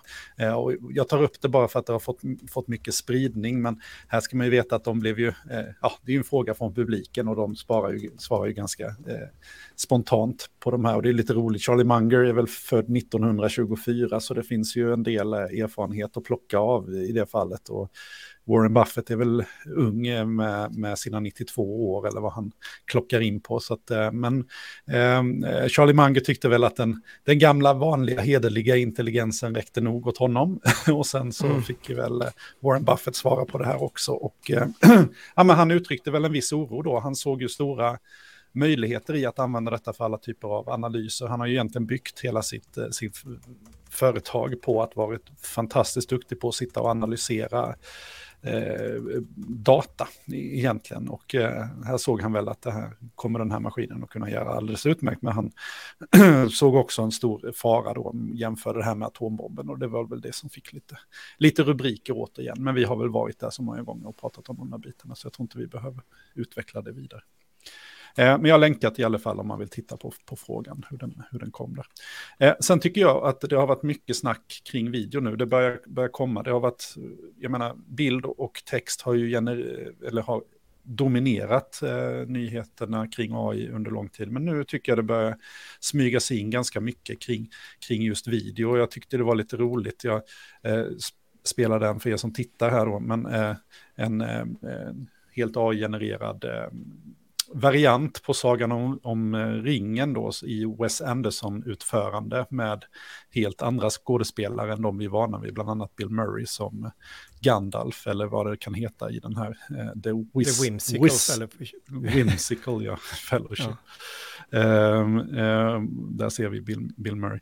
Men, men det här är ju lite gjort med samma teknik som du använde nyss Fredrik med Anna här, det vill säga den här um, Ken Burns-effekten på bilder, det vill säga att man, man helt enkelt bara panorerar i en bild och då får man en känsla av, viss rörelse. Men sen är det ju också eh, eh då vissa 3D-karaktärer och sådär som är till viss del genererade här utifrån en, en, stilla bakgrund. Det ser rätt så flamsigt ut eh, och sådär när man tittar på det nu, även om man inte återigen skulle kunna drömma om att göra något sånt här själv för ett halvår sedan, men nu kan man faktiskt göra en sån här mm eh, trailer på en helg. Eh, men jag tror att vi kommer att se, det, det, det, det, har väl släppts lite andra nyheter kring just Gent 2 från Runaway och lite sådär, att, att de börjar bli riktigt, riktigt kraftfulla. Det var någon som hade gjort, vad var det, något filter för att göra om allting till Minecraft stuk, mm. så här från, från vanlig videofilmat, att man filmar bara en kort snutt med en vanlig kamera och sen kan man få det där att se ut som att det är gjort i Minecraft istället. Och så. så att, um, ja, video, det kommer nu. Mm. Och det har vi väl. Jag undrar fortfarande när vi, när vi ser musik i någon större skala. Eller ja, och Det var ju nästan en, en var det meningen den segwayn där, Anders? Eller var det bara att du, du råkade hamna på den? För Google släppte ju sin eh, Music LM har ju släppts nu också. Den har de ju hållit på. Eh, och har ju, man har inte riktigt vetat varför de har hållit på den. Det var ganska länge sedan de släppte en Eh, demo eh, där man kunde lyssna på den. Men, men nu bara i veckan så gick de ut med att eh, det är väntelista för vissa man får sätta upp sig på den. Jag tror Fredrik, du tipsade direkt om den i, mm. i vår Discord där, så de som var snabba kanske sitter tidigt i kön här nu då. Jag har inte fått tillgång ännu, så jag har inte kunnat Nej. testa den. Men de som har testat den har väl varit väldigt, väldigt... Man har sett mycket rubriker så som “This will change the music industry forever” och så vidare mm. då, kopplat till det här. Ja, och jag la någon, jag ser ju, du har ju, la en länk där på, eh, på hur det ser ut också. Eh, det har vi Google eh, Music LM där då. Eh, och eh, det har ju, det här paperet släpptes ju då eh, faktiskt den 26 januari, så att det har ju funnits att läsa om det här innan då, men nu har de släppt det som ett verktyg då. Återigen då AI, AI, AI, AI, AI. Vad var det mer? De sa, jo just det, AI sa de också. AI, AI. Så, och här var det, det är några olika exempel. Det är den där video to Minecraft eh, eh, som vi kan se då på vänsterskärmen där. Eh, vilket är, och det, här använder de den här så kallade control net då. Eh, och det är ju ett, en metod liksom att kontrollera outputen då väldigt väl. Jag, ska inte, jag, jag, kan inte detaljerna helt enkelt hur detta fungerar, men det är ju eh, väldigt kraftfullt för att liksom styra den här outputen till den här modellen då. Eh, och i detta fallet då är det ju Runway, den här Runway ML som vi har eh, pratat om då innan. Uh, och likadant så kan man ju också nämna det här med eh, Synthesia, som jag tror också vi har pratat om någon gång tidigare, att du kan skapa dina sådana avatarer. Eh, och du har ju också möjlighet nu då att rendera, alltså en avatar i 3D med en alltså, tokrealistisk upplösning då, den alltså generativ modell då, inte en, en, en 3D-modell med eh, polygoner och vektorer och någon texture på liksom, utan det är en annan typ av eh, modell då. Så att det här kan man ju tänka sig då att det är ju inte helt långsökt att tänka sig att detta kommer påverka våran eh, filmindustri väldigt mycket. Um, eller det gör ja. väl kanske redan det. Göra tankeexperimentet och projicera de här, de, de, just det här du såg, visade på din slide nu med ganska ändå pajiga eh, video och eh, 3D-modeller. Och så drar vi samma streck som, som vi gjorde med Midjourney då från förra mm. året fram till idag. Ja, eh, det kommer nog hända lite på, på den fronten kan man tänka sig. Mm. Eh, där kan ju också vara bra att känna till att OpenAI släppte väl också sin text to 3D eh, som ett experiment här där man kan skapa 3D-modeller med hjälp av promptar nu då också eh, som ett separat verktyg. Jag har inte hunnit titta på det alls egentligen. Eh, Meta kom ju också med sin image bind hette den så, Imagebind, jag har skrivit det i alla fall. Eh, men där man mm. kan eh, kombinera då eh, ljud och bild och och, och, text på, på väldigt häftigt sätt. Det vill säga du kan mata in ett, eh, ett ljud och då kan du få det här ljudet illustrerat i form av en bild. Så de, de demar väl med en tiger som, eh, som eh, morrar och då ja, kommer det ut ett, en bild på en mm. tiger kort och gott. Och skickar du in en, en bild på en hund så får du ut ljud som låter som en hund då. Sådär. Mm. Så att det, är också, det, det, går ju också i den här tangentens riktning då när det kommer till, det är ju en jätteindustri att, att att lägga ljudeffekter på film. Det behövs ju om man ska ha en, eh, en, en, realistisk och bra upplevelse på en film så behöver det ju vara ljudeffekter kopplat till allting och då är det inte långt borta att tänka att den här typen av verktyg skulle man då kunna använda i post-production och bara helt enkelt lägga på de ljud som, som saknas eh, när man tittar på det. Mm. Um, utöver det, eh, det börjar ta slut i mina anteckningar här, det är kanske tur det, klockan är, eh, det har gått en, över en och en halv timme här nu, men jag kan också rekommendera det senaste TED-talket, i alla fall det senaste som ligger uppe just nu då, med Imran Shad Chaudhry och där slaktade jag hans namn. Men han har tidigare jobbat på Apple med produktutveckling och jobbar nu på ett eget företag där de håller på att ta fram en liten häftig, eh, jag fick lite Star Wars-känsla, en liten sak som sitter på bröstet och som man duttar till och sen kan man ställa frågor till den här, man kan hålla upp handen och så får man en laserprojektion och är egentligen då en personlig AI som är med dig hela tiden. Och det är också en intressant detalj på hans presentation där, så har han en bild på sin dotter och då säger han att det här är den enda bilden i hela presentationen som inte är genererad. Eh, med tanke på vad vi pratade om annat tidigare. Mm. Eh, så det kan jag rekommendera om ni inte har sett den. Eh, spännande. Har ni? Det var ett uttömmande avsnitt bara för att, att ta en liten catch-up på, på, på någon vecka. Sådär. Vi har inte eh, hunnit med hälften av det som vi kanske borde hunnit, men det, vi, vi, kommer igen. Sådär. Ja, det, det, det, kan vi väl garantera att vi gör. Och eh, innan vi är tillbaka så tycker vi ju att ni ska gå in i valfri poddspelare, ge en liten tumme upp eller ett betyg, det uppskattas alltid. Eh, och eh, styr in till vår Discord som numera då heter AI i utbildning. Eh, ni hittar länk till den eh, i show notes eh, kopplat till när ni lyssnar eller tittar eh, på det här då. Och sen eh, missa inte vår intervju, Anders, med Madde. Som Madde. Vi hade. och den kommer att släppas onsdag. Så den dyker väl automatiskt upp i er poddspelare där också. Med det så önskar vi er alla en fantastisk härlig vecka och även långhelg som det säkert är för många av er i alla fall. Jag ska eh, iväg och titta på, på, på lite djur och grejer i, i min plan här. Så att, eh, vi får se om jag springer på någon. Ha det så himla gott allihopa. Hej. Hej då.